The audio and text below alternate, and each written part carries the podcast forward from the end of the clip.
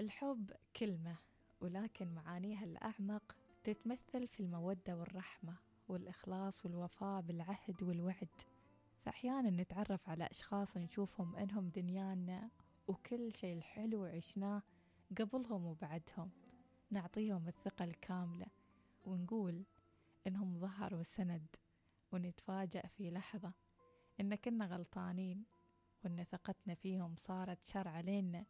قتلت فينا الأمان وعيشتنا في دوامة الشك مع نوايا كل شخص صادفة. وننتبه بعدها أن لازم نتزن في مشاعرنا ونعرف حدودنا مع الآخرين.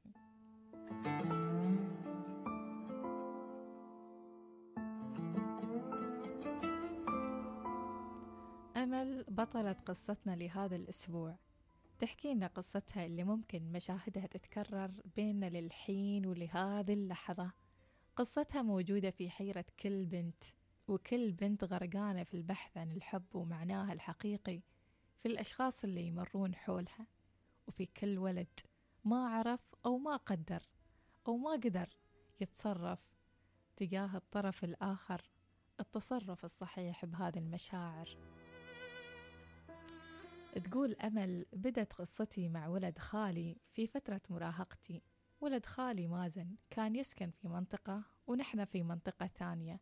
ففي يوم من الأيام اضطر مازن يجي لمنطقتنا لفترة بسيطة ويسكن معانا في البيت كم يوم علشان يخلص أمور رخصة القيادة لسلاسة الموضوع معنا أكثر من منطقتهم.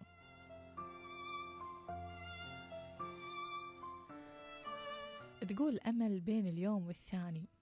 كان مازن يغدقني بنظراته الحانية ومصافحته اللي يخلي فيها كل جهده علشان يوصل إحساس الإعجاب تجاهي. وأنا في مراهقتي كنت أنعجب بكل همسة وكل كلمة منه تقول أمل. أذكر في مرة من المرات كنا متجمعين نشوف أحد مباريات المنتخب مع يمكن المنتخب الكويتي في أحد دورات الخليجي وشدتني حركته. هو متحمس للمباراة ويصفع وجهه وجبهته لما سدد الكويت هدف ضدنا أعتقد. تقول أمل لا تستغربون أو تتساءلون إيش المبهر في الموضوع أو إيش المبهر في هالحركة ولكن هذا اللي خلاني أنعجب فيه أكثر وهذه هي تفاصيل المراهقة الغريبة بتصرفاتها وأفكارها اللي كنت أعيشها. مرت الأيام وخذ مازن رخصة القيادة وصار لازم يرجع لبيتهم في منطقتهم البعيدة. احتارت أمل إيش تسوي وكيف تضمن إن شعور الحب أو بالأصح شعور الإعجاب اللي كانت تعيشه هذيك الفترة إنه يدوم ويستمر. كمل وتقول خذيت رقمة من تليفون أخوي وبديت أرسل الرسالة ورا الثانية. في وقت ما كان عندنا في واتساب كنا في زمن فيه جزء من النص مفقود في حتى رسايلنا. ما كنت دارية إن فعلا قصتنا فيها جزء كبير مفقود وبلا نهاية. للأسف اتطورت العلاقة من مسجات لاتصالات بالساعات الطويلة. كان انجذابي له كل يوم يزيد وهو بعد. كنت أكلمه حتى من تليفون البيت تليفون البيت الأرضي. كان والدي يندهش من الفواتير التي آخر الشهر وكان في كل مرة يروح لفرع شركة الاتصالات يتساءل ويتهمهم وينازعهم إنهم ماخذين فلوس فوق المتوقع والفاتورة ما حقيقية. مسكين ما درى إني أنا ورا كل هذا.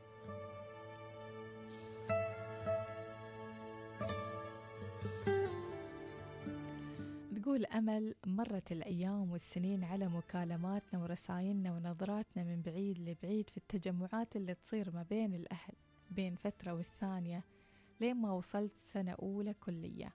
وصار عرس في المحافظة اللي يسكن فيها مازن.